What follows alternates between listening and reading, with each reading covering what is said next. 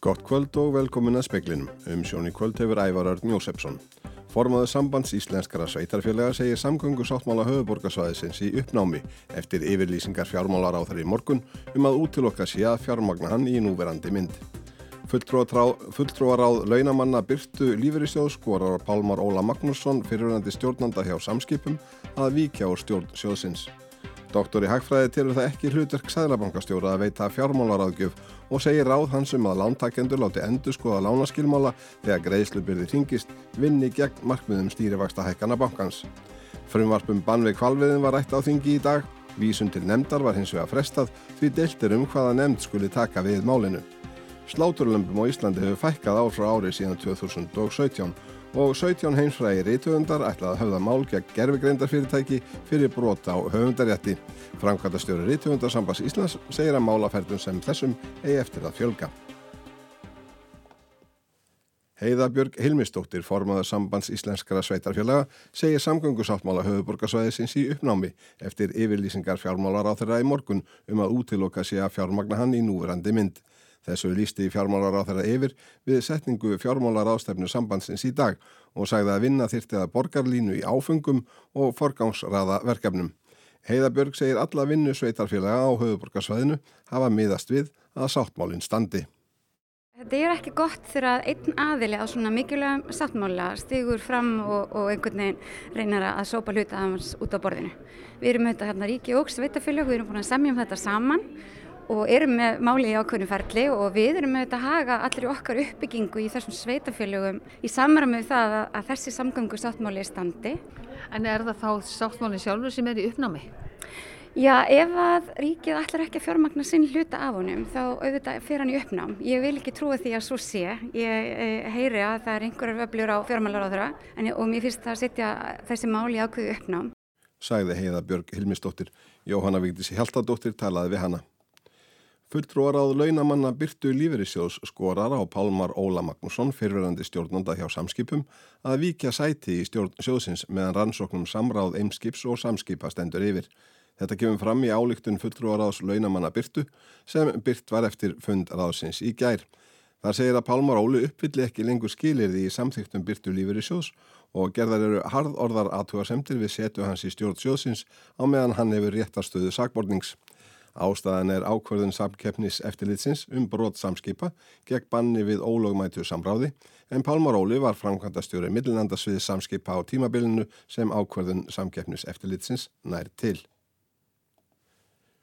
Ólafur Margersson, doktor í Hagfræði, segir það ekki vera hlutverk selabankastjóra að ráðleggja lántakendum um lánaskilmála.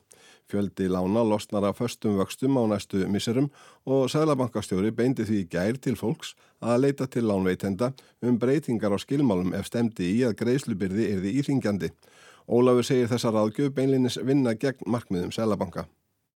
Burt séð frá því sem er prinsipið að Sælabankastjóri eigi ekki gefa fjármálar aðgjöf. Þá er fjármálar aðgjöfin í þessu tilviki að mæla til þess sérstaklega að fólk fari í verðtrið lán og lengi í lánum og svo framins.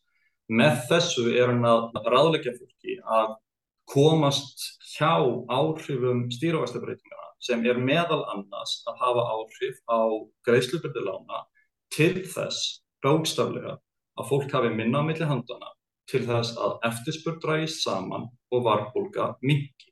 Með þessu er hann að vinna á móti eigin aðgerðum selvankans. Sæði Ólafur Margersson í samtal við Benedikt Sigursson. Fyrstu umræðum frumvarp varðandi banna og hvalviðum lauka á þingi í dag. Efni frumvarpsins er umdilt en einning er dilt um formsatriði því ágreiningur er uppi um það í hvaða nefnd málið eigi heima. Umræðinum frumvarp 15 þingmanna stjórnarhanstöðuflokkana að miðflokki undanskildum um hvalviði bann stóð yfir í þrjár klukkustundir en vísan til lemdar var frestað vegna þessa ágreiningur er um hvaða nefnd tekur við málinu. Andres Ingi Jónsson, fyrsti flutningsmaður frumarfsins, vill að máli gangi til umhverfis og samgöngunemdar en fósetti alþingis, Birgir Ármarsson, telur málið eiga heima í atvinnuvega nemnd.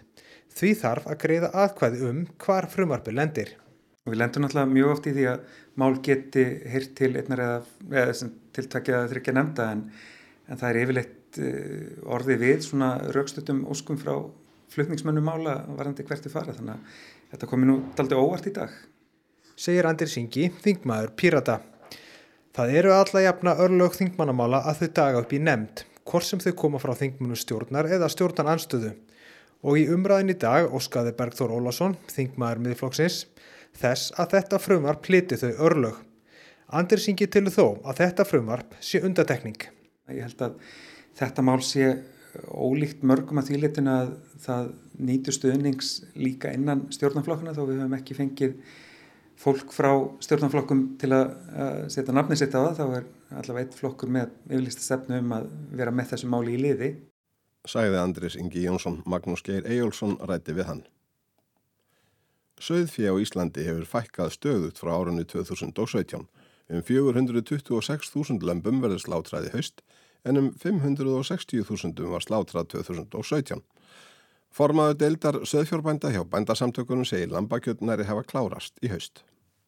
Gera má ráð fyrir að framleitt verði um 6.900 tonn af dilkakjöti í ár og hefur framleiðslan þá dreyist saman um tæplega 2.300 tonn á síðustu sex árum. Trausti Hjálmarsson, formaður deildar söðfjórbænda hjá bændasamtökum Íslands, segir mig að rekja þennan samdrátt til verðfalls á afurðum. 2017 verður verðfall á afurðundi söðfjórbænda um 30%.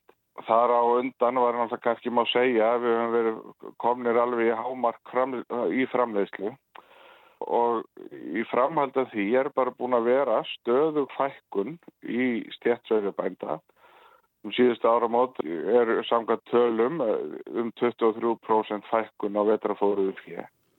Trausti segir bæði hafa fækkað í stjætt söðfjörbænda og starfandi bændur hafi dreyið saman í framleiðslu þar sem margir þurfi að sækja sér vinnu utan bílis. Hann segir framleiðsluna enn næja fyrir innanlandsmarkað en litlu hafi munað að lambakjött kláraðist í haust. Það er í upphafi slátutíðar núna í, lok ágúst voru ekki til dæma 180 tonn af kjöti í landinu og það er náttúrulega bara, má segja að lambakjött hafi verið búið. Sæði trösti Hjálmarsson, Ástallín Magnúsdóttir talaði við hann. Nokkur er á þekktustu rítvöndum heimsætlað það mál gegn gerfigreinda fyrirtækinu OpenAI fyrir markvissan og umfangsmikinn þjófnað í massavís. Framkvæmdastjóri Rítvöndasambands Íslands segir lögsóknina ekki koma óvart. Málsóknin er skipiluð af samtökum rítöfunda í bandaríkjunum og er svo nýjasta í hópi málaferla gett gerfigreindar fyrirtækjum undarfarn misseri. Rítöfundarnir hafa áhyggjur af því að gerfigreindarforrið noti höfundaréttafarni verksín án leifis. 17 rítöfundar taka þátt í málsókninni meðal annars glæpasagna höfundurinn John Grisham og George R. R. Martin höfundur bókana um krúnuleikana eða Game of Thrones. Ragnhildur Tryggvardóttir framkvæmdastjóri Ríthundasambands Íslands segir málsóknuna ekki koma ávart. Við erum í mjög uh, nánu samstarfi bæði í alþjóðulegum, evróskum og norrænum uh, Ríthundasamböndum og við erum búin að funda með þessum hópum uh, öllum á þessu ári og það hefur verið alveg ljóst að þetta væri yfirvofandi. Málaferlum sem þessum eigi eftir að fara fjölgandi. Ragnhildur segir ekki hægt að sannreina að mál sem þessi hafi komið upp hér á landi. Tilraunir hafi verið gerðan með texta úr íslenskum skáldverkum en gerfigreyndarforrið virðist ekki geta endurskapa textan enn sem komið er.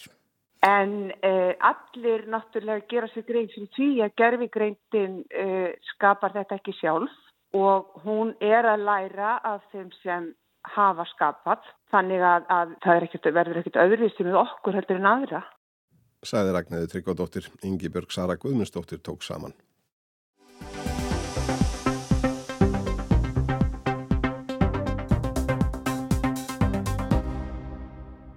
Undanfærin ár hafa flestir þjóðarleituar verið sammála um það í orði kveðinu hið minsta að brínt sé að hamla gegn hlínun jarðar og þeim lofslags hamförum sem henni fylgja.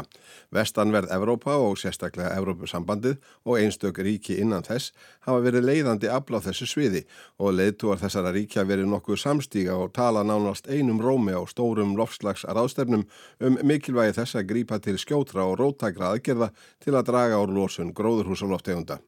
Í þessari viku gerðist það hins vegar að stjórnvöldi í Breitlandi og Svíþjóð, tveimur löndum sem síðust ár hafa lagt mikla áherslu á einmitt þetta, bæði í orði og verki, ákáða að draga úr aðgerðum í lofslagsmálum. Rishi Sunak, forsættis á þeirra Breitlands, bóðaði gær afgerandi stefnubreitingu í málafloknum og hegst draga úr aðgerðum og skuldbindingum breyta á þessu sviði. Hann segi núverandi áallanir óraunhafar og sakar fyrir ríkistjórnir um villandi málflutningu og veruleika flótta. Nú verði breyting þar á, segi Sunak. Tími sé komin til að horfast í augu við staðrendir og byggja áallanir og aðgerðir á þeim, frekar en óskikju. Súnag heikst útlista þessi áform sín og stjórnar sinnar nánar á næstu dögum en breskir fjölmilar fullir það að meðal annars eigi að fresta banni á sölu dísil og bensínbíla um fimm ár að horfið verði frá því að banna nýja gas og oljukalla til húsitunar og ákveða að fækka þeim í staðin og hætta við nýja skatta á flugferðir svo eitthvað sé nefnt. Í Svíþjóð lækka útgjöld ríkistjórnar Úls Kristersson til áslagsmála lítilega á milli ára og hafa þau nú lækkað um 4,5 miljardar sænskara króna á tveimur árum eða um 18%. Gert er ráð fyrir því í greinargerð með lofslagsluta fjárlega frumvarsins að losun gróðurhúsalóttegunda aukist fram til ásins 2030 meðal annars vegna lækkunar á elsneiti skjald bifriða og sagt berum orðum að lofslagsmarkmiðum fyrir árin 2030 og 2040 verði ekki náð hvorki landsmarkmiðum nýja skuldbindingum gagvart Európusambandinu. Speillin spurði Elfur Rakel Jónsdóttur, sviðstjóra á umhverjastofnun á sviði lofslagsmála og ringrásar hækkerfis um hennar álita á þessum tíðindum. Þetta er náttúrulega alveg sko kólröng eh, nálgun á mínumati með að við stöðuna sem við erum í. Við erum auðvitað að sjá það að ef að svíjar fara þessa leið þá eru þeir reynlega að skjóta sig í fótinn sko til langstíma vegna þess að þetta eru auðvitað langtíma verkefni en við erum samt í kaplöpu við tíman. Þannig að við getum ekki sko fresta verkefnu og hugsa sem svo ne, nú ætlum við bara að slaka þess á kröfum og, og hérna við ætlum að tryggja hag þeirra sem að, e, eru kannski að nýta jarnu elsandi miklum hérna mæli og við ætlum að taka frekar ásættun okkur ár. Við höfum bara ekki tíma í það. Þannig að þau eru einfallega að skjóta sér í fótinn og, og hérna Uh, þú veist, pissi í skóin sko, með því að gera það með þessum hætti. Og því þau munu þurfa að uh, greiða sektir eða þess að kaupa einingar ef þau standast ekki 20-30 og 20-40 markmiðin. Þannig að sparna á ríkisins verður tæplega mikill sko þegar framlega stundir.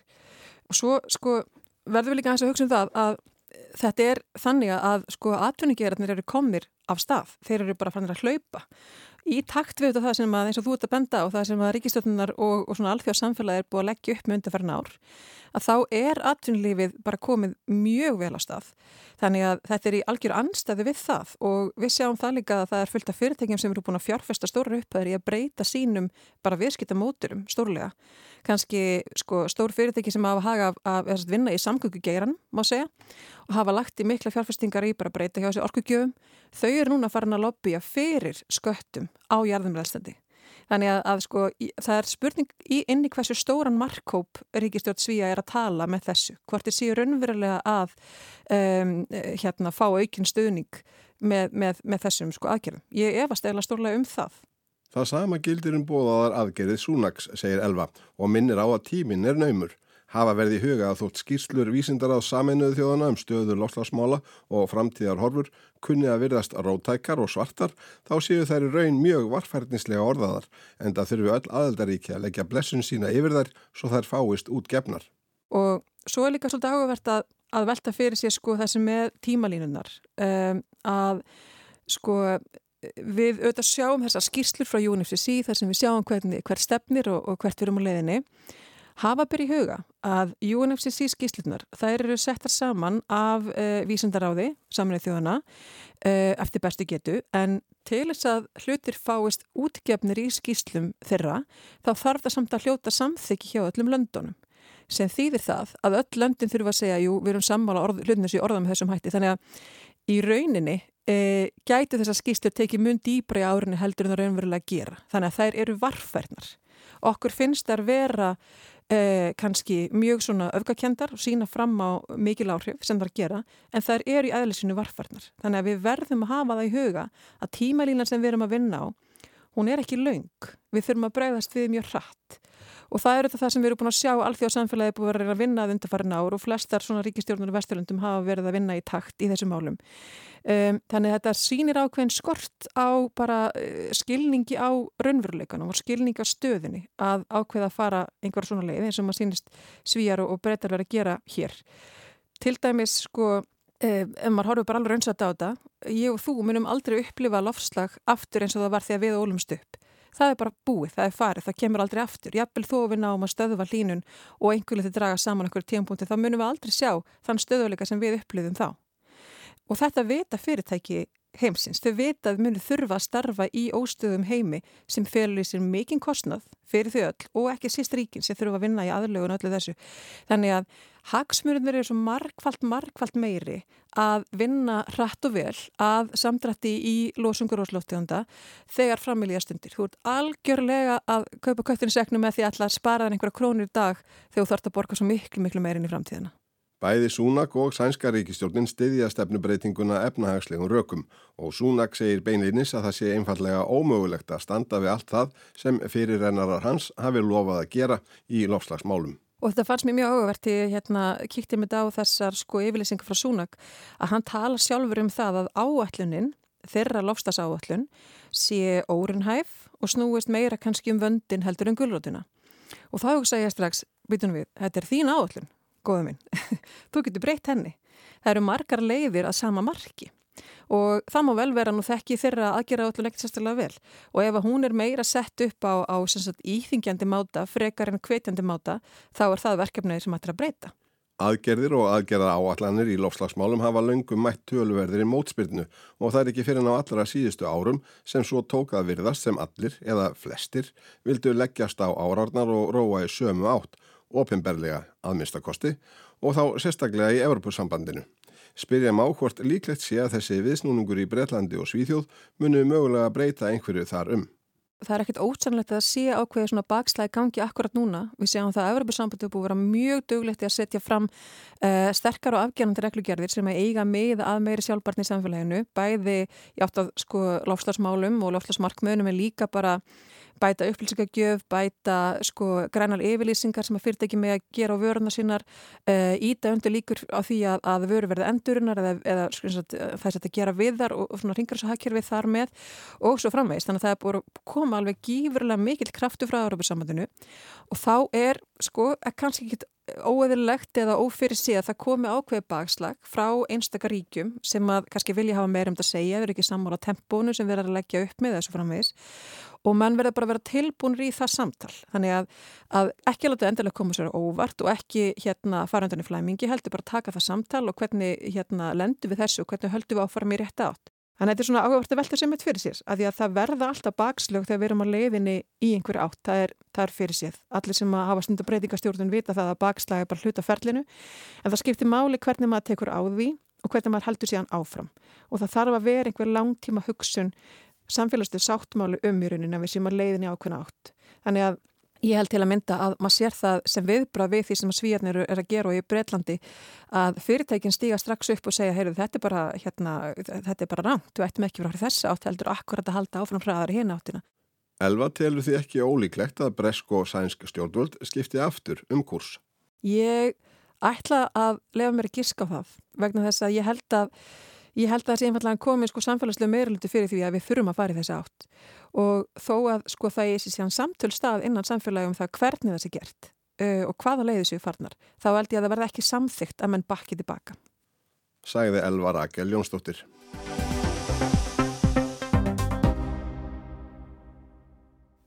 Tímamót eru yfirvóandi í fjölmiðlasögu heimsins. Rupert Murdoch tilkynnti í dag að hann heiðist láta af störfum sem stjórnarformaður fyrirtækjana Fox Corporation og News Corp eftir rúmlega 70 ára starfsferil við fjölmiðla af öllu tægi. Murdoch er orðin 92 ára. Hann tilkynnti öðrum stjórnarmönnum í fyrirtækjunum í dag að hann heiðist láta af störfum í november. Hann hefði ákveðið að Lakland sonur hans tæki við stjórnartömanum í báðum fyrirtækjunum. Heilsan væri góð og nú væri réttur tímill að snúa sér að öðrum verkefnum. Murdoch heldur stjórnarformans tillunum en bætir emeritus aftan við þá. Einnig verður hann áfram ráðgjafi fyrirtækjana. Rúbert Murdoch namn heimsbyggi, stjórnmálafræði og hagfræði í Oxford. Hann var 20 ára aldri þegar kiðfadir hans fjall frá. Hann átti og rak lítið dagblad The News í Adelaide í Ástralíu. Sónurinn tók við reksturinnum. Hann kefti upp fjölda dagblada í Ástralíu og á Nýja Sjálandi og árið 1969 hóða hann ferilsinn í Breitlandi með því að taka yfir rekstur götubladana News of the World og The Sun. Eftir því sem tímar liðu egnaðist hann dagblöð og sjónvarpstöð var víða um heim.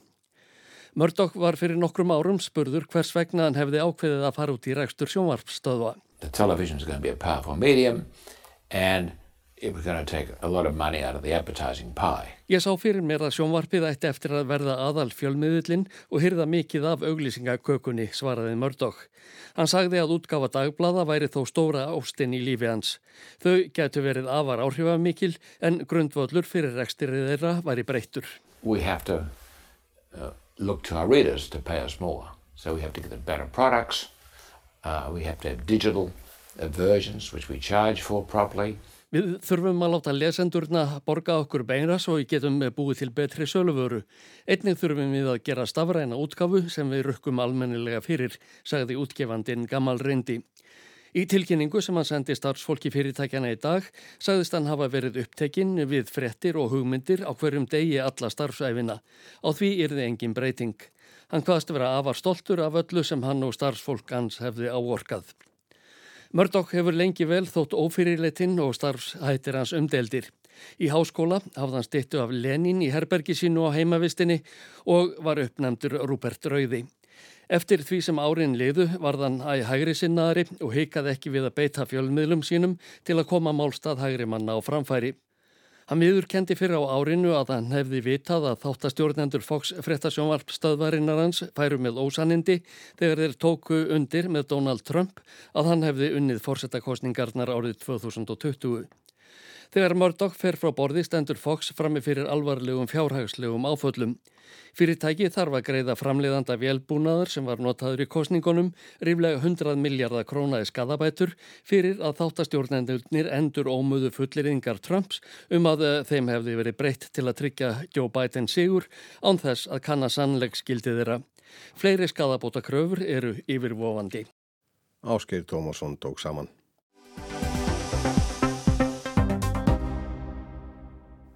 Og við höldum okkur í útlandum því Slovakar gangaði kjörborðinu eftir næstu mánaðamót í kostningum sem gætu grafið undan samstöðu Európaríkja gagvart Úkrænu. Leðtói flokksins sem þeikir sigurstránglegastur samkvæmt konunum vil hætta stuðningi og vopnasendingum til Úkrænu. Innan við helmingur íbúa landsins segir rússa ábyrga fyrir innrásinni í Úkrænu og stuðningu við aðeins Slovakíu að Atlasarspandalaginu og Európusambandinu er á nýðuleið. Það hefur verið ákveðið los, svo ekki sem er að sagt, á stjórnmólum og stjórnarfari í Slovakíu undan farin ár og afleðingarnar af þessu er að koma greinilega í ljós í kostningabarátunum sem nú stendur sem hæst. Kostningarnar verða 30. september og samkvæmt nýjustu skoðanakonunum þá er flokkur sem kennir sig við Sósialdemokrata og heitir Smer á Slovakísku með mesta fylgið ríflega 20%. Leittói Smer heitir Robert Fico og þeir sem fylgjast með stjórnmálum í Evrópu muna eftir honum. Fico var fósættarsáttara Slovakíu 2006 til 2010 og síðan aftur 2012 til 2018 en þá rökklaðist hann úr ennbætti þegar almenn mótmæli gegn stjórn hans breytist út í landinu. Það gerist í kjölfar þess að slovakíski bladamæðurinn Jan Kuciak og unnista hans voru myrt.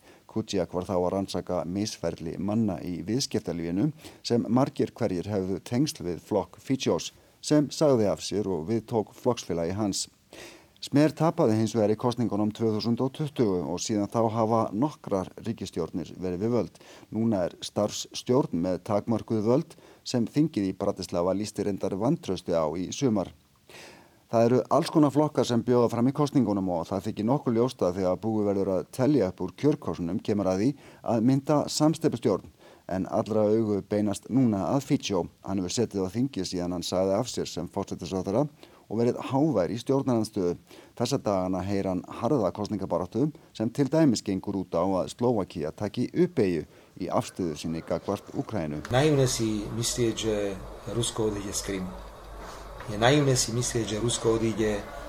Það er einfældni að halda að rússar yfirgefi krímskagan eða svæði sem er ráða núna yfir, sagði Fitjó í viðtali við Associated Press fréttastofuna í byrjun þessa mánadar. Þannig að útskýruð fyrir mér hvers vegna áframhaldandi mannfall er jákvægt að hverju nýtum við ekki slagkraft ESB og bandaríkjana og neyðum stríðandi aðilar til að setjast niður og komast að samkómulegi sem myndi tryggja öryggi í Úkrænu. Ég er algjörlega á móti því að Úkræna fái aðild að NATO. Það kemi þriðju heimstyrjöldinni af stað, sæði Fitjó. Hinga til hafa stjórnveld í Slovakíu stutt Úkrænumenn með ráðum og dáð, sendt hanga skotfæri, vopn og orustuþótur, auk þess að taka á móti flótafólki frá Úkrænu og styðja refsiðagjörður Európusambandsins gegn rúsum. Fítsjó sem er lang líklegastur til að fá umbúð til að mynda ríkistjórn eftir kostningar er líka alfarið á móti refsiðagjörðum gegn rúsum og í málflutningi hans má greina marga af þeim talpuntum sem komið hafa frá stjórnarherrum í Kreml undanfærinu misseri til að réttlæta innrásina í Úkrænu. Í lok ágúst sæði Fítsjó í kostningaræðu að stríðið í Úkrænu hefði byrjað 2014 þegar úkrænskir nínasistar og fasistar eins og hann orðaði það hefði byrjað að myrða rúsnarska borgara í austur héruðum Úkrænu. Þessi og önnur ummæli Fítsjós spretta auðvitað ekki upp úr einhverju tómarúmi. Skoðanakannanir í Slovakíu hafa ítrekkað sínt að almenningur ber lítið og minkandi tröst til stofnuna samfélagsins. Það er vaksandi skautun þjóðfélagshópa. Samsæriskenningar um alls konar málefni lifa góðu lífi í umræðinni, jafnvel og ekki síst hjá frambjöðandum í kostningabaratunni, sem margir hverjir vilja líka tala hátt og lengi um ógnuna sem hefðmundnum gildum stendur af hinsegin fólki og innflytjandum og málstæður rúsa gegn Úkrænu hefur þar góðan hljómgrunn, ekki aðeins í fjölmiðlum og netmiðlum sem styðja rúsa heldur einnig meðal almennings. Í nokkura mánuða gamalli rannsókn Globsec hugveitunar í Bratislava kemur fram að aðeins 40% landsmanna telja stjórnvöld í Rúslandi bera ábyrð á innrásin í Úkrænu. 34% segja að ástandið í Úkrænu sé vesturlöndum að kenna og stuðningu við aðild Slovakíu að Allansarsbandalæginu og Európusambandinu hefur verið á niðurleið. Þetta er reyndar ekki fyrsta skiptið sem Fittsjó lætur orða þessu tægi falla í kostningabaráttum og síðan mildað afstöðu sína þegar hann komin á valdastól auk þess að ljósta að flokkur hans verður ekki einn í ríkistjórn. En margir fréttaskýrendur og greinendur telja líklegt að verði Fítsjó fósettisráður eftir kostningan þennan unnastu helgi, þá eigi hann eftir að halda mörgum af þessum skoðunum til streitu, ekki aðeins á heimavelli heldur einnig hér í Brussel í höfustöðum NATO og ESB. Podľa mňa by nebol dostatočne odvážny na to, aby sám sa stal disidentom. No ale keď už má toho Orbana, Ég held að Fittsjó sé ekki nógu hugrakur til að standa einn með þessa skoðun sína innan ESB, segir Grigori Mesinivkov, stjórnmála skýrandi í Bratislava. En núna er þann með Orban, fósettisáþara Ungverjarlands í liði og getur hengt sig á þann málstað. Núna er Fittsjó raunverulega í liði með rúsum og deilir þeirra sögum, segir Mesinivkov. Slovakia er ekki eina ríkið í Evrópu þar sem hægri sinnaðir líðhyggjuflokkar og viðkomandi stjórnmálamenn eins og Fítsjó njóta aukina vinselda. Sama hefur gerst og er að gerast til dæmis í Þískalandi þar sem þíski þjóðurnisflokkurinn AFD hefur verið að vaksa í skoðanakonunum. Á Ítalíu þar sem flokkar á hægri róinu eru við stjórnvölinn og í Finnlandi og Svíþjóð. Í Pólandi og Ungverilandi eru hægri og þjóðurnissinnaðar stjórnir við völd og líðhyggjuflokkar er að vaksa til dæmis í Östuríki og Greiklandi. Það var Björn Malmqvist sem sæði frá. Og þá að veðrinu, veður horfur á landinu til miðnætti sanna kvöld. Það er útlitt fyrir norðan 5-13 metra á sekundu og skúrir eða jéla norður og austurlandi í kvöld og nótt en léttskiða verður sunnan heiða. Hann snýst svo í fremur hæga austlaga átt á morgun, þyknar upp með rigningu og köplum sunnalands en minkandi skúrir eða jél er á norðanverður Hiti breytist lítið, verður á bílunni 2-10 stig og það verður mildast siðst á landinu. Fleira er ekki í speklinum í kvöld. Tæknum aðu var Jón Þór Helgason. Margret Júlia Ingimarsdóttir stjórnaði frétta átsendingu. Veriði sæl.